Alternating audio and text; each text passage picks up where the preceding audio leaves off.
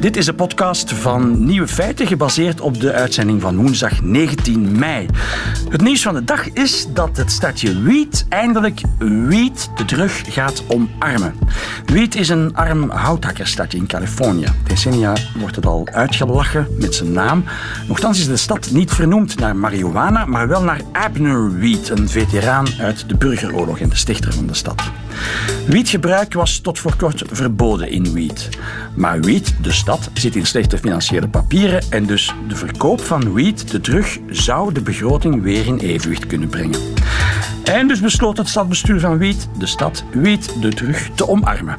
Drie jaar geleden kwam er goedkeuring om medicinale wiet te verkopen en nu mag er in Wiet een wietplantage komen, goed voor 300 arbeidsplaatsen. Wiet hoopt dat Weed Made in Wiet succesvol wordt. We zijn een arme stad, zegt de burgemeester. We pakken wat we kunnen krijgen. Hier volgen de andere nieuwe feiten van woensdag 19 mei.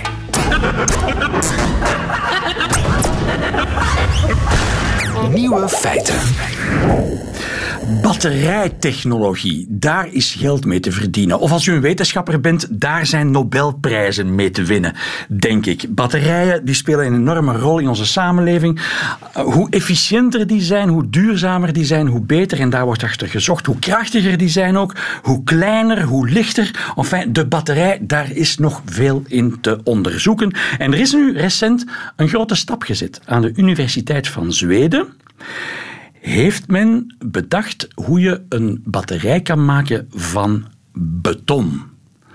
Ik stond daar een beetje van te kijken, want beton dat doet mij niet meteen aan licht en klein denken. Maar goed, professor Van Dijk, goedemiddag. Goedemiddag, Koen. Een batterij van beton, wordt u daar meteen enthousiast over? Wel, op, op, een, op een manier wel eigenlijk. Want uh, wij denken natuurlijk allemaal aan een kleine en lichtgewicht, hè, ja. omdat dat in auto's moet en in gsm's. Mm -hmm. maar, de, maar men zou kunnen batterijen maken van grote dingen, zoals gebouwen, uh, die weliswaar uh, uh, misschien minder efficiënt zijn qua hoeveelheid uh, elektriciteit of elektrische energie per gewicht. Maar omdat er zoveel gebouwen zijn, zou dat toch een groot effect kunnen hebben. Wordt daar echt naar gezocht? Ik, hoe, hoe, kan ik, hoe kan ik van het VRT-gebouw een grote batterij maken? Natuurlijk, hè, maar dat, dat, begint nu niet, dat kun je niet met een bestaand gebouw. Hè. Je kan bijvoorbeeld beton ontwikkelen die uh, als batterij gebruikt wordt. En als je dan het bouwwerk maakt, heb je nadien ook tegelijk een batterij. En als het een, een groot gebouw is, dan kan je... Pas op, denk nu niet direct dat je daar uh, al je elektriciteit mee kunt uh, laten, laten we zeggen, voeden. Maar het zou bijvoorbeeld kunnen voor, voor, voor dingen zoals... Uh, 5G bijvoorbeeld, zoals uh, uh, uh, bijvoorbeeld LED-verlichting en dergelijke, ah, ja. daar denkt men aan. Uh, bijvoorbeeld in Amerika, in Amerika weet ik van projecten al een aantal jaar waar men zwembaden gebruikt om om te zitten in batterij. Omdat dat, hè, men voegt iets toe tot het, zolang je niet moet zwemmen, voegt men iets toe tot het water. Ja. En dan zit men daar twee, twee polen in en dan kan men het zwembad opladen. Ik denk, om, om, het, om het te begrijpen, professor Van Dijk, en voor we naar de toepassingen gaan, ik, ik denk dat u eerst moet uitleggen hoe een batterij eigenlijk werkt, voor we kunnen begrijpen hoe je dan van, van een betonnen gebouw een batterij kan maken. Ja, eigenlijk, dat ga ik eventjes kort uitleggen. Ja? Uh, ik, neem, ik, neem, eventjes een lithiumbatterij. Dus je moet, je moet een materiaal hebben, je moet uiteraard een positieve pool en een negatieve ja, pool hebben. Ja. Uh, en uh, elektriciteit, normaal door onze draden, wordt geleid door elektronen. Dat, ik neem aan dat je dat nog wel weet.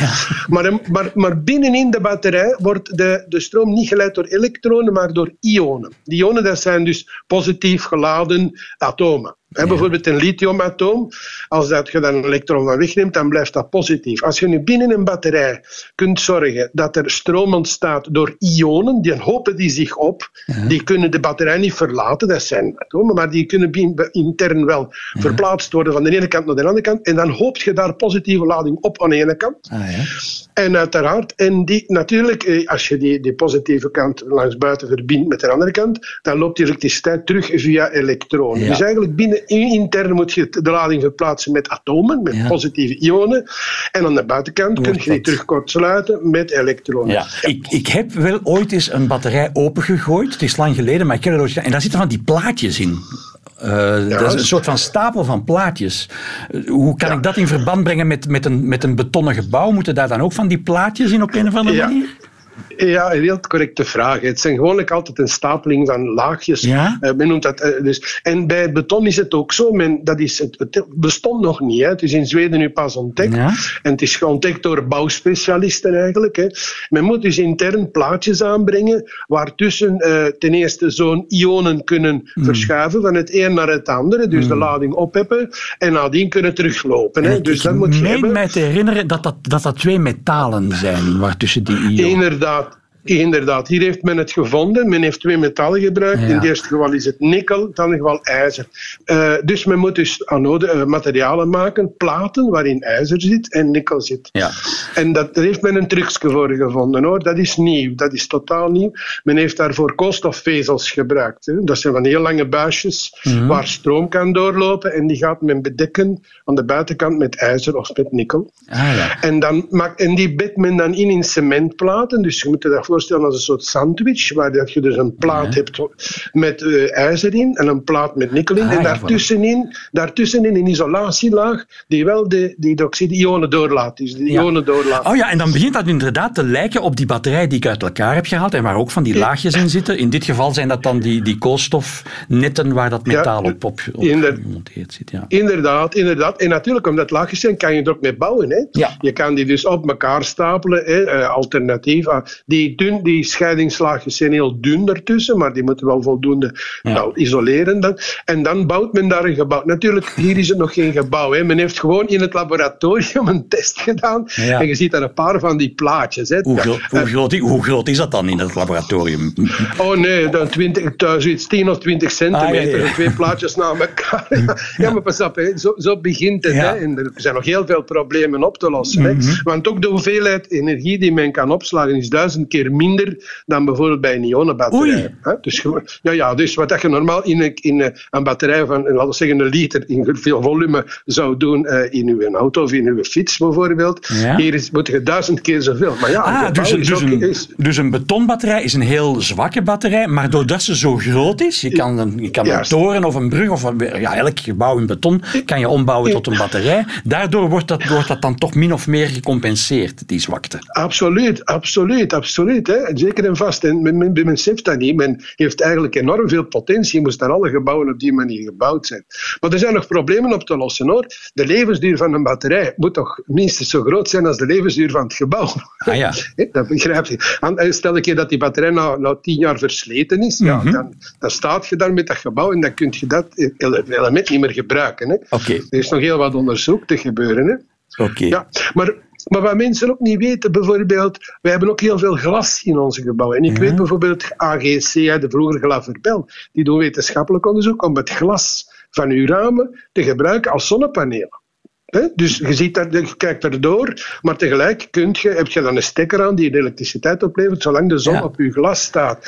Daar levert ook niet zoveel op, maar er zijn heel veel ramen. Hè? Dus als iedereen zo'n zo ramen zou kopen, ja, dan lost je al een stukje van het energieprobleem op. En als je die stroom die je ramen dan eh, eh, genereren kan, kan opslaan in het beton van je huis, dan, dan ben je eigenlijk dan, Voilà. eh, een grote stap vooruit. Absoluut.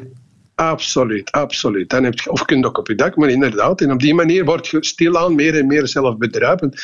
Ja, wij moeten zo'n slimme dingen doen, hè, want Ja. we krijgen wel, wel voldoende zon in Vlaanderen, maar op niet altijd op een goede moment. Dus je moet het kunnen opslagen Ja. hè, eh, tot, tot je het nodig hebt. Hè. Je ziet nu de, de problemen met de terugdraaiende meters. Ja. Wel, zo hoe meer dat je zelf kunt opslagen, hoe minder dat je moet terugsturen naar het net. Hè. En betonnen batterijen zijn een stap in de goede richting. Professor Van Dijk, Van Dijk de Absoluut, toekomst absoluut. Straalt ons tegemoet. Dank u wel voor de Oké, uitleg. Koen. Da- Goeiedag, Koen. Dag. Dag. Radio 1. Nieuwe feiten. Gisteren zat Chris Dussochois in Nieuwe Feiten om te praten over de vraag of eh, honden jaloers kunnen zijn. Menselijke gevoelens bij dieren is altijd interessant. Het antwoord was ja, die honden kunnen jaloers zijn, maar eh, niet rancuneus, meen ik mij te herinneren. Vandaag hebben we een gelijkaardige vraag. Eh, kunnen dieren lachen? Eh, geen Chris Dussochois in de studio, maar Dominique Adriaans. Goedemiddag Goedemiddag. evolutionair bioloog aan de Universiteit van Gent. Professor Adriaans, ik weet dat dit gevaarlijke vragen zijn, want eh, we bezondigen ons dan makkelijk aan wat wetenschappers noemen antropomorfisme. Het uh, toekennen van menselijke eigenschappen aan, aan dieren. vindt u het onnozel, een onnozele vraag om te gaan onderzoeken of dieren kunnen lachen? Of vindt u dat interessant? Nee, nee, nee. Zeker niet. Het is een zeer relevante uh, biologische vraag, sociale vraag. Oké, okay. dan hoef ik mij daar niet voor te generen. En ik dacht het al wel, want de Universiteit van Californië heeft um, onderzocht of er dieren zijn die kunnen lachen. En ze menen er 65 te hebben gevonden. 65 diersoorten die kunnen lachen. Wel, zij hebben inderdaad in de literatuur gezien dat er voor 65 diersoorten een beschrijving is wat men noemt playful communication. Dus dat er vocalisatie, dat er geluid wordt geproduceerd tijdens het spelen. Ja. Um, waarbij dat een, bij een groot aantal ze een gelijkaardig patroon vertonen. In die zin dat het een soort geluid is dat gepaard gaat met hijgende uh, beweging, hè, alsof dat men een beetje uit een, buiten adem geraakt door het spelen zelf. Ja. Maar um, of dat dat allemaal lachen kan genoemd worden, zoals je aanhaalt, hè, zoals ja. het bij de mens lachen is, is natuurlijk een andere vraag. Welke betekenis, koppelen, welke betekenis ja. koppelen die dieren aan dat geluid, is maar de vraag. We hebben... Wel, dat is juist de, inderdaad de evolutionair interessante vraag. Hè. Waarom is dat ontstaan en waarom komt dat bij zoveel? Dus je kan verwachten dat het een functie heeft. Ja, eh, we hebben zitten zoeken naar, naar lachende dieren. We hebben een chimpansee gevonden waarvan wij, wij vermoeden dat dit lachen is.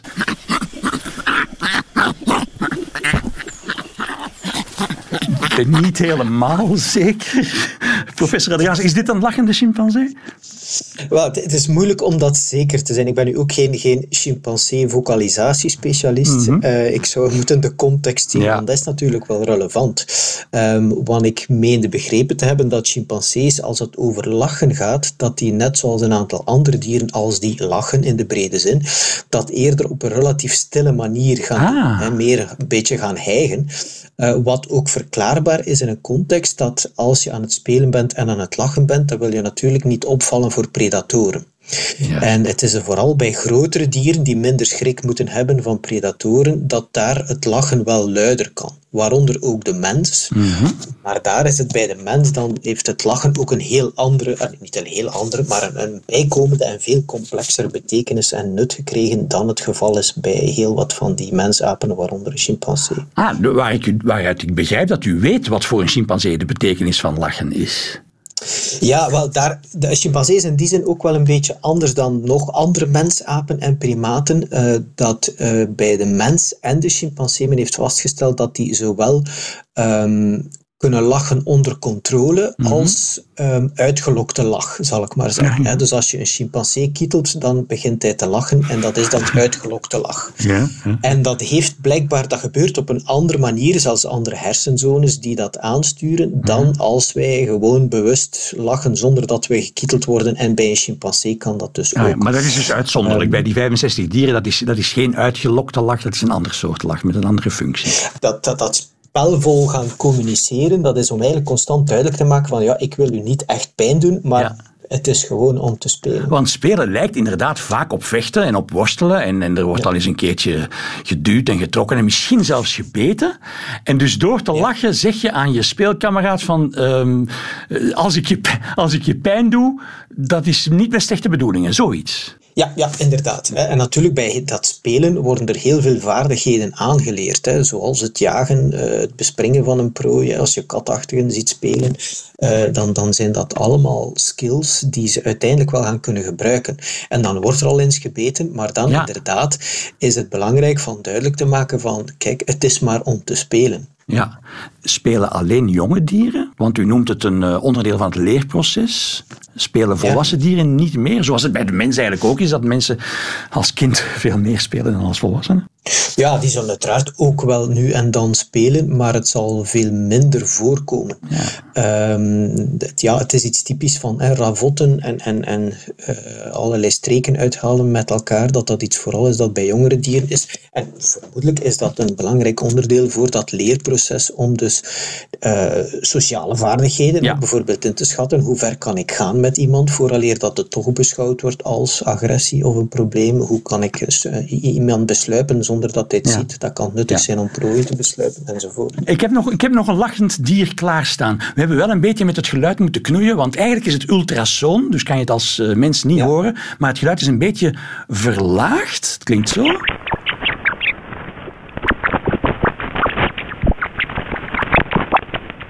Het lijkt als rubberbotten die tegen elkaar schuiven. maar het is dus een lachend dier. Weet u welk dier het is? Als je spreekt van ultrasonengeluiden, vermoed ik dat het een knaagdier en meer specifiek een rat zal zijn. Ja, ja, exact. Precies. Ja. En naar het schijnt is het een, lach, een rat die gekriebeld wordt. Ja, men heeft dat dus kunnen waarnemen met speciale microfoons om het ultrasonen. Wij kunnen dat niet horen. Dat zit dan meer in een frequentie van 50 kilohertz.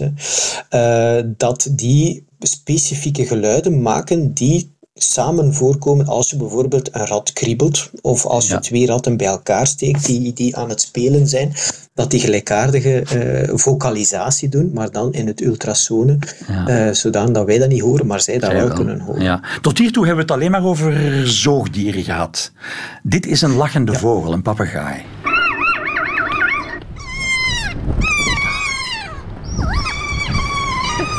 Ik zou het niet meteen als lachen herkennen, maar als je het aan een papegaai laat horen, dan weet hij, die, die andere is aan het lachen. Dat is waarschijnlijk de, de, de kea. Dat is een van de, de drie vogelsoorten die in die studie ook werden bestudeerd, samen met een grasparkiet. Um, en daar wordt datzelfde patroon zijnde van uh, tijdens het spelen wordt een soort ja, herhaaldelijk patroon van, van geluiden produceren. Als het ware hijgen, maar dan daar geluid op zetten. Um, en, en wordt dat beschouwd als terug die playful communication. Natuurlijk, de vraag is, het klinkt wel als lachen, maar in hoever kan je dat vergelijken met mensen, menselijk lachen? Zou het... Uh, er, je vindt op YouTube ook grasparkieten die dat doen, maar ja, natuurlijk, die, die, die grasparkieten en ook papegaaien, die kunnen gewoon imiteren. Ja.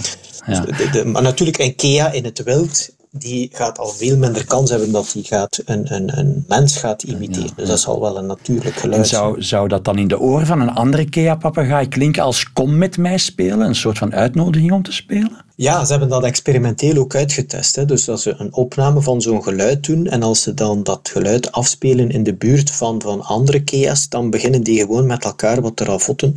Waarschijnlijk denkt de ene van, ah, de andere wil spelen, dus wij gaan spelen. En het is ook aangetoond dat bij andere dieren dat het spel langer duurt Ah, als er zo vocaal gecommuniceerd wordt.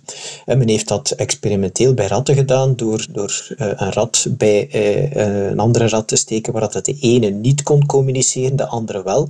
En dat spel duurt minder lang dan als ze alle twee kunnen duidelijk constant het signaal geven van kijk, vind ik dat hier tof en ik ben ja. gewoon met u aan het spelen. Onderzoek van de Universiteit van Californië. Er zijn 65 diersoorten die kunnen lachen. Dominique Adriaans, dank u wel. Graag gedaan.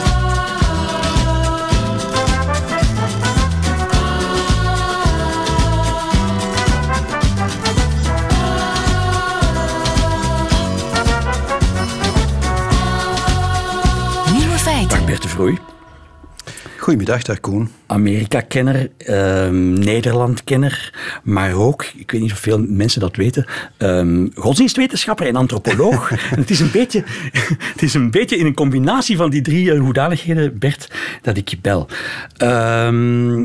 Ik, we willen het hebben over het conflict in Israël tussen de Isra Israëli's en de Palestijnen. Mm -hmm. Je kan daar in religieuze zin heel wat over vertellen. Um, Johan Bonny zat maandag in de afspraak en die legde een grote verantwoordelijkheid bij Israël om religieuze redenen. Hij zegt ja, de Joodse staat, het Joodse volk, staan in een goddelijke traditie, het uitverkoren volk van God. Dus de Israëli's zouden een voorbeeld moeten stellen dat naar God verwijst. Dat zijn, ja, hij verbindt dus het politieke met het religieuze. Ja. Uh, dat gebeurt wel vaker. En we moeten het hebben over evangelische christenen die een heel eigen. Um, die, die het conflict in Israël een heel eigen plaats geven in, hoe heet dat, de Bijbelse geschiedenis. En jij, ja. weet, daar, jij weet daar meer over. Wel, je mag ze ook niet allemaal over één kam scheren, die evangelische christenen in de Verenigde Staten. Er zijn er uh, naar schatting misschien wel 90 miljoen, sommigen spreken van 100 miljoen. Ja. Het hangt er een beetje vanaf hoe breed je die definitie neemt.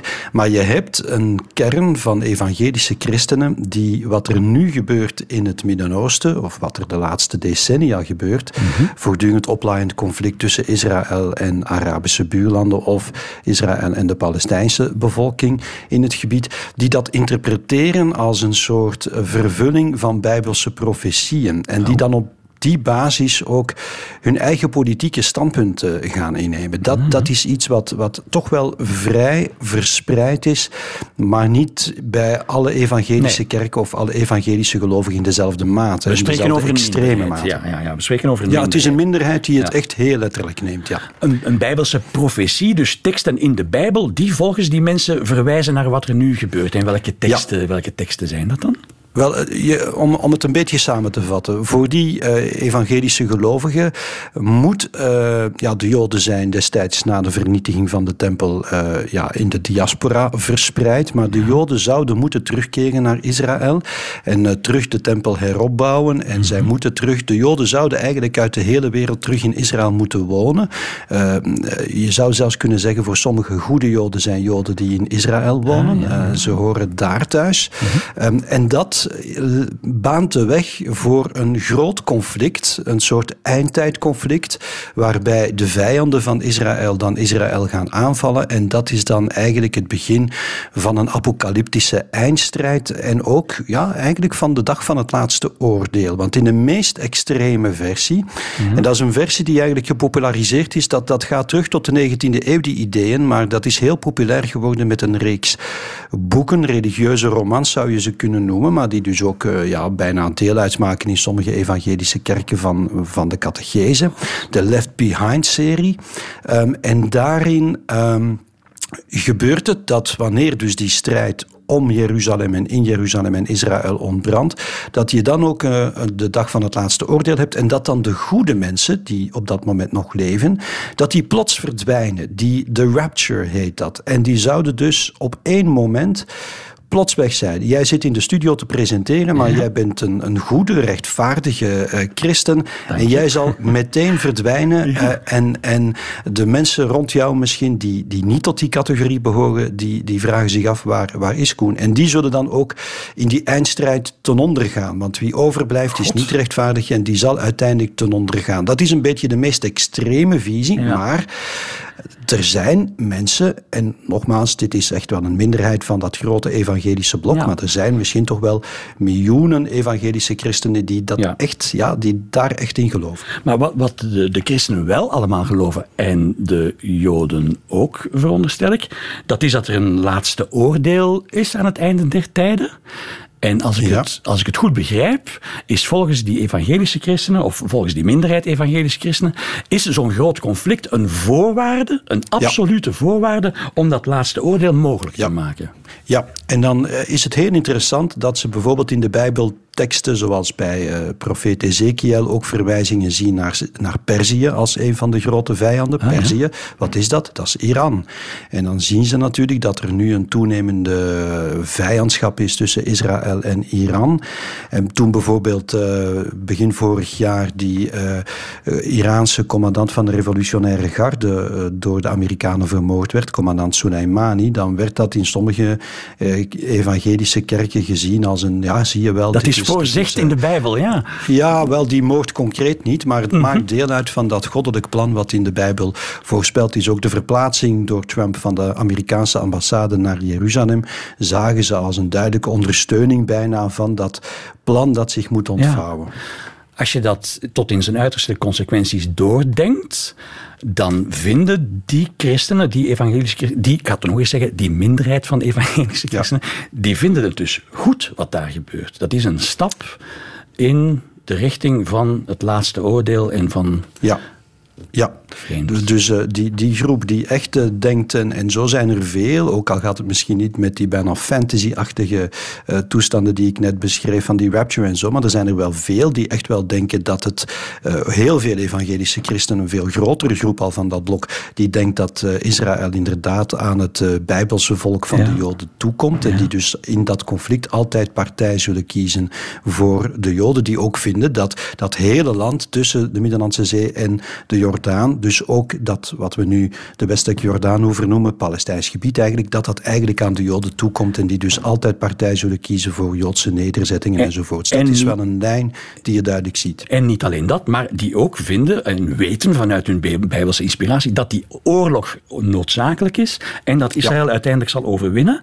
En dat dat dan zal resulteren in de terugkeer van Christus en dat soort. Ja, wel, Israël zal overwinnen. De Joden zullen zich uiteindelijk ook uh, weer bekeren. Hè? Want de Joden, je mag niet vergeten voor even. Bekeren tot het, christen, tot het christendom? Ja, ja, ja, ja, ah, ja, ja. Want uiteindelijk zijn, ja, ja, ja, want uiteindelijk zijn de Joden ook wel beladen met een soort erfzonde, zou je kunnen zeggen. Omdat zij Christus verworpen hebben. en, aan het kruis hebben genageld. En mhm. dus dat, dat, maar zij kunnen zich daarvan verlossen ook door nu te doen wat ze aan het doen zijn. Dat land opnieuw in bezit nemen. Daardoor de wegbanen voor die eindstrijd en die eindtijd. En ook Joden kunnen zeker uh, verlost worden en kunnen ook uiteindelijk in de hemel opgenomen worden. Ik heb daarnet um, voor de uitzending Christenen voor Israël gegoogeld en ik vind ook, ook dat soort van evangelistische christenen in Nederland.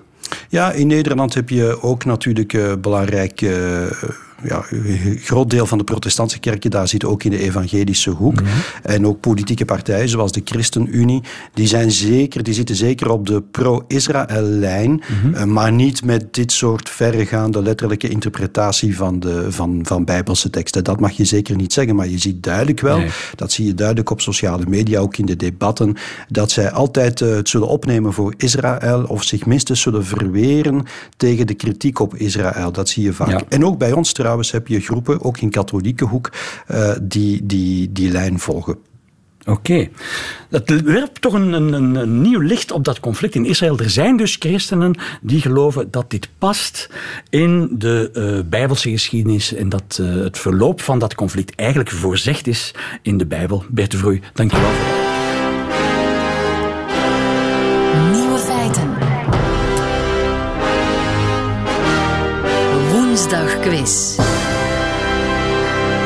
De nieuwe feiten woensdagquiz. Een uh, boekenbon ter waarde van 25 euro in te wisselen bij Confiture, de Federatie van Onafhankelijke Boekhandels. En tegenover mij zit Gilles. Hallo. Jij kent de spelregels. Ik ken de spelregels. Want voor mij is het de eerste keer, ja, dus we zien wel waar we uitkomen. En jij kent ook de antwoorden op de vragen. Jij bent de jury. We hebben ook twee kandidaten. Dag Thomas. Hallo, dag Koen. Thomas, jij, bent, uh, jij, jij was de eerste erbij, dus jij bent ook onze eerste kandidaat. Wat ben je aan het doen, Thomas? Ah, ik kom net van mijn werk. Dus uh, ah, ja. ik uh, had het gehoord op de radio en ik dacht, Oké. Okay. En wat voor soort werk doe je? Ah, ik geef les. Ik geef les. Ah, welk vak geef je? Ik geef uh, zedeleer op, uh, op middelbare school. Gilles, zitten er zedeleervragen tussen onze vragen? Uh, geloof het niet, hè? Ja, er is één vraag die misschien wel problematisch wordt. Oké, goed. Dag Els, jij bent onze tweede kandidaat. Els. Hallo, goedemiddag. Kom je ook van je werk, Els? Uh, inderdaad, ik ben ah, even in lunchpauze. En welk vak geef jij of sta je niet in het onderwijs? Nee, ik heb mijn eigen winkel in Brugge. Ah ja, en wat verkoop je? Ik verkoop wenskaarten, papier, ah, ja. uh, handgemaakte boeken en dozen. Ah ja, ik ben trots op jou, zegt Lieven dan. Ik ben trots op jou. Dankjewel. Ja. Maar we beginnen dus met Thomas. Thomas, je eerste, okay. je eerste vraag komt eraan. Ja.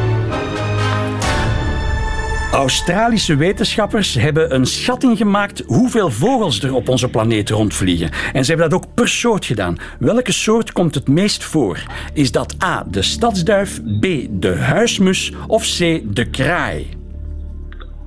Thomas. Um, ik denk B. Dat was de huismus. Dat is helemaal goed.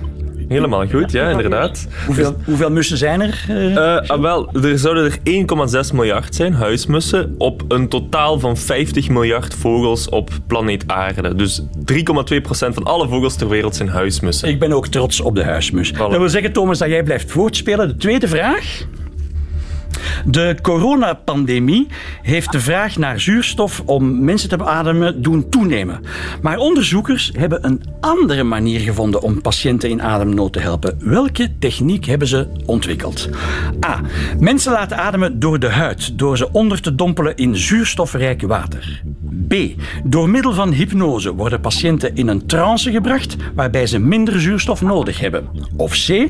Door een zuurstofrijke vloeistof via de anus binnen te brengen. Huid, hypnose of anus, Thomas? Um, ik denk C, anus. Dat is helemaal goed. Had je dat ergens gelezen? Ja, Of is het een gok? Uh, nee, het was een gok, maar ik denk altijd, ja. Dat is de meest rare antwoorden. Hoe vettig hoe prettig. Ja. Jill, is dat ja, iets inderdaad. Uh, de onderzoekers hebben zich laten inspireren door zeekomkommers. Die kunnen dus ademen door hun anus. En uh, ze hebben dan het bij laboratten geprobeerd. Ja? Een zuurstofrijke vloeistof dus door de anus binnen te brengen. En dan bleek dat die in dodelijke zuurstofarme scenario's, dat die het dan 50 minuten langer uithielden. Oké, okay, dus Thomas speelt door. Dat is slecht nieuws voor Els, maar goed nieuws voor Thomas. Thomas, derde vraag. Recent onderzoek ontdekte dat een groot taboe voor mensen uh, eigenlijk heel normaal is in de natuur. Over welk taboe gaat het? Is dat incest? Is dat stelen van je ouders? Of is dat seks met andere diersoorten? Uh, ik denk A. Dat is helemaal goed. Niet slecht voor een leraar zeden nee, wat een leer. Nee, wat een parcours. Het is juist, ja. Ik ja, nog iets over te zeggen, Helemaal juist. Ja, ah, wel, inderdaad. Dus er wordt vanuit de biologie altijd vanuit gegaan dat incest... Tegennatuurlijk is. Tegennatuurlijk is. Zoveel mogelijk genetische diversiteit. Maar in sommige scenario's is dat niet mogelijk, omdat er te weinig andere dieren zijn. Maar de dieren zouden het soms ook zelfs prefereren. Want de bedoeling is natuurlijk zoveel mogelijk van je eigen genen doorgeven. En dat gaat natuurlijk het beste wanneer je een partner hebt die 50% van je genen heeft. Goh, ik krijg medelijden met Els die er niet aan te pas komt. Thomas, de vierde vraag is ook voor jou. Als je ze juist okay. antwoordt, krijg je die boekenbon. Als je ze verkeerd antwoordt, krijgt Els een kans om het uh, juiste antwoord te geven. Welk lichaamsdeel legt volgens nieuw onderzoek per jaar een afstand af die gelijk is aan twee marathons. Zijn dat onze benen? Zijn dat onze ogen? Of is dat onze duim? Twee marathons. Uh, ik denk C. Dat, dat is helemaal goed, toch? Oh, Els, Els. Oh, ik ben dat jammer. en je wist alle antwoorden ongetwijfeld. Sorry, Sorry Els. wist je alle antwoorden, Els? Ik gun het je. Nee hoor, nee, ik was ook af en toe met een hok. Ik Thomas, denk dat u de beste kandidaat gehoord hebt. Thomas, gefeliciteerd. Een boekenbon van 25 euro komt jouw richting uit. Oké, okay, bedankt. Ja, bedankt. Jovanka Stiel, comedienne, trots op haar accentrijke Nederlands, is deze week de auteur van het middagjournaal in Nieuwe Feiten. Ik wou interne keuken zeggen, het is Nieuwe Feiten. Nieuwe Feiten. Middagjournaal. Goedemiddag. Mijn lievelingssprookje is Sneeuwwitje. Ook omdat het ons veel vertelt over de geest van de moderne mens. In het verhaal woont Sneeuwwitje in het bos samen met zeven mannen en toch is zij niet gelukkig. Ze hoopt nog altijd om Mr. Right te ontmoeten. De koningin woont in een kasteel, draagt mooie kleren en heeft een pratende spiegel, maar toch voelt ze zich depressief omdat Sneeuwwitje een beetje mooier is dan haar. Misschien zou de koningin een beetje kalmer zijn als ze besefte dat Sneeuwwitje het niet zo gemakkelijk heeft. Want de waarheid is, het kan niet gemakkelijk zijn om met zeven mannen samen te wonen. Zeven mannen die allemaal extreme persoonlijkheden hebben. Eén is altijd gelukkig, de andere is altijd boos, nog een andere heeft constant last van allergieën. En ze zingen altijd hetzelfde liedje. Hey ho, Hey ho, je krijgt het niet cadeau. Elke dag, meerdere keren per dag, hetzelfde liedje. De koningin kan intussen alleen maar denken over het feit dat haar pratende spiegel zegt dat ze de tweede mooiste vrouw ter wereld is. Wat is daar mis mee? Het is niet alsof iemand een date met haar zal afzeggen omdat ze maar de tweede mooiste vrouw ter wereld is. Maar goed, omdat ze het niet kan loslaten, geeft de koningin een appel vol slaapmiddel aan Sneeuwwitje. Dus Sneeuwwitje eet de appel en valt in een diepe slaap. Maar nu wordt het verhaal pas echt interessant. Op een dag komt er een prins door het bos die haar wakker kust. Wie heeft er gezegd dat jij mij mag kussen? zegt Sneeuwwitje. Nog nooit van hashtag MeToo gehoord? Uh, you love me too, zegt de prins. Ik ben kei verliefd op jou. Sneeuwwitje zucht en kijkt naar de prins. Plots beseft ze dat hij niet constant aan het niezen is, of boos is, of verlegen is, of een van de vele dingen die de zeven dwergen doen. En wat nog beter is, hij zingt geen irritant liedje. Oké dan, zegt Sneeuwwitje, laat ons nog lang en gelukkig gaan leven. Oké, zegt de prins. Hashtag me too love you, you love me too, hashtag also. Allee dan, zei Sneeuwwitje.